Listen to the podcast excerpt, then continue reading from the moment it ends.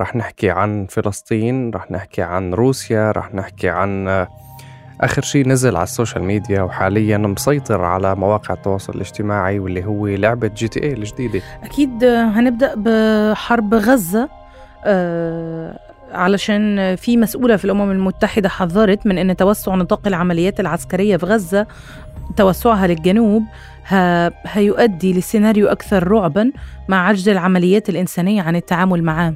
أهلا وسهلا فيكم بأول حلقة من آه، مركز الأخبار من أخبار الآن. معكم آه، ريهام محمود. ووليد هنيدي. رح نبلش آه، من أكثر أهمية للأقل أهمية. رح نبلش مثل ما حكت زميلتي ريهام حكينا عن تحذيرات بالأمم المتحدة من أنه في فعلا توسع بالعمليات العسكرية الإسرائيلية بغزة. بجنوب القطاع وحسب قول الأمم المتحدة بأنه هذا السيناريو حيكون أكثر رعب من اللي بالفعل نحن رأيناه. آه، حتى المنسقة أضافت أيضا أنه آه، منذ أن استأنف يعني القتال بين إسرائيل وحماس من بداية آه، الهجوم الأول لحماس اللي هو كان بكانون الأول ديسمبر كان في هدنة استمرت سبعة أيام. وكان نوعا ما في هدوء كان في توصيل للمساعدات كان في توصيل للوقود لغزة. ولكن بعد انتهاء الهدنة عاد الكابوس يعني من جديد إلى آه، غزة. آه، المنسقة أضافت برضو أن التوسع في العمليات البرية الإسرائيلية أكبر عشرات الآلاف من الفلسطينيين للجوء لمناطق فعلا أصلا بتواجه ضغط متزايد آه، وأن أغلب يعني النازحين بينتابهم اليأس للعثور على الغذاء والماء والمأوى والأمان بوجه عام.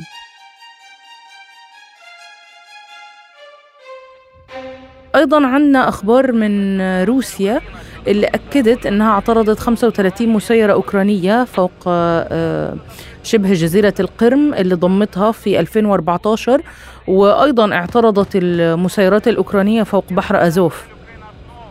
صحيح.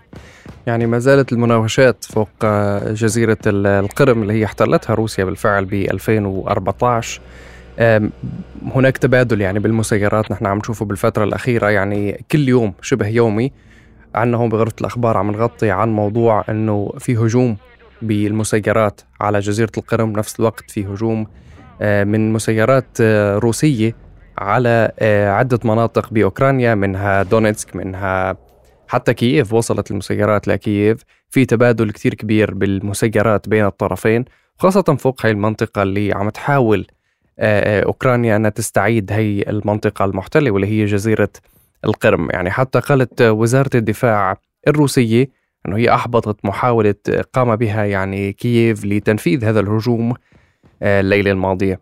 يعني الدفاعات الجوية بين الطرفين كما قلت سابقا يعني عم تحاول تصد وخاصة مثل ما شفنا بالحرب الأخيرة اللي هي حرب آه، آه، الغزو على أوكرانيا كان الهجوم بالمسيرات كان كثير واضح للناس. يعني كانت هي المسيطرة على على أرض المعركة. كانت حرب مسيرات بشكل جدا كبير.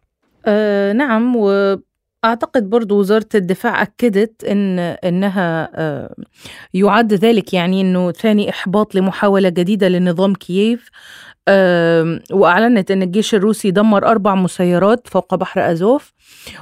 وفي الأغلب يعني بتتعرض القرم اللي ضمتها روسيا من أوكرانيا في 2014 آه، للعديد من الهجمات الأوكرانية لأنها بتشكل قاعدة بتشكل قاعدة للأسطول الروسي في البحر الأسود وتعد خط الإمدادات الرئيسي للقوات الروسية في جنوب أوكرانيا وشرقها. يعني هي أوكرانيا حاليا عم تحاول تعمل أفضل وسيلة للدفاع هي الهجوم لأنه هي خاصة بفصل الشتاء عم تحاول إنه ما يصير مع الموقف اللي حصل مع السنة الماضية واللي هي كانت روسيا عم تستهدف المنشآت الطاقة الأوكرانية وهالشي يعني بفصل الشتاء القاسي عندهم عم يكون سيء جدا. آه، بالحديث عن المناخ والشتاء والهي رح ننتقل لدراسة نشرت آه، أمس بحتمية ارتفاع حرارة سطح الكرة الأرضية. وراح تتجاوز بشكل ثابت يعني على مدى آه، آه، أعوام عدة عتبت الدرجة ونص مئوية بالمقارنة على ما كانت عليه قبل الثورة الصناعية. وهي يعني نحن يعني عم نقول هلأ على البودكاست إنه درجة ونص إنه هي درجة كتير واطي لكن هي بالعكس تماما هي الدرجه يعني لها تأثير جدا كبير وضخم على المناخ خاصة على الكرة الأرضية وخاصة بمناطق استوائية. يعني عم نشوف بمناطق طول عمرها كانت قاحلة وصحراء. عم يصير فيها مناطق اكستريم شتاء آه مناخ جدا بارد وبنفس الشيء بالاماكن الاستوائية اللي هي خضراء غابات أمازون عم يصير فيها جفاف الأنهار عم تنشف وغيره وغيراته وحتى الحرائق يعني السنة الماضية وحتى بداية السنة هي شهدنا عدة حرائق منها باليونان بأستراليا كان بالفعل يعني آه، درجة يعني بتفرق على الكرة الأرضية. أعتقد الدراسة دي العلماء آه، من مشروع الكربون العالمي هم اللي أعدوها وقدموها للمجتمعين في مؤتمر الأمم المتحدة كوب 28 المنعقد في دبي الآن داعين الأسرة الدولية للتحرك لمواجهة هذا الوضع الخطر. آه، الدراسة كمان توقعت أن انبعاثات ثاني أكسيد الكربون هتزيد في جميع أنحاء العالم آه، والانبعاثات هذه آه، عادة بتنتج من استخدام الفحم والغاز والنفط لأغراض التدفئة والإنارة والنقل و وإن هذه الانبعاثات سجلت هذا العام رقما قياسيا جديدا. آه، وفي عالم مناخ بريطاني آه، أشرف على على الدراسة اللي شارك فيها حوالي 150 باحث آه، من جميع أنحاء العالم قال فيها أنه بيتعين على القادة المجتمعين في كوب اللي هو اوريدي معني بالتغير المناخي لابد أن يتفقوا آه، على تخفيضات سريعة في انبعاثات الوقود الأحفوري والانبعاثات الكربونية بوجه عام آه، للحفاظ على هدف آه، درجتين مئويتين الهدف من أول كوب هم بيهدفوا لتخفيضه يعني Energy is our friend.